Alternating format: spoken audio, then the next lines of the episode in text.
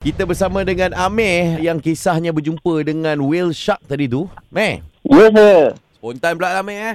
Boleh. Lawannya Johan lah bro. Abang dengan Johan, eh. Ha, Johan dia jerung darat. Jerung darat. Ha. Ha. Kau tak pernah jumpa kan ha, ni? Tak ada jumpa. Dia kecil je tapi dia, dia ligat. Itu betul loh. Dia jumpa ni. Awak diberi kelebihan 10 soalan keluar pada awak Awak akan dianggap menang Jadi okay. uh, untuk situasinya saya serahkan dekat Hanif lah ha? Okay.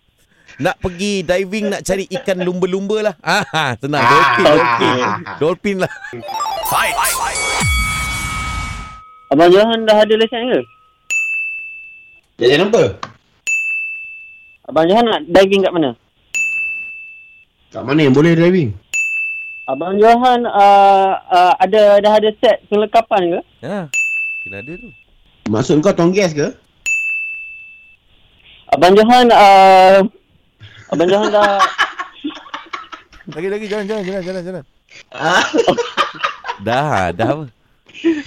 La- lama sangat meh.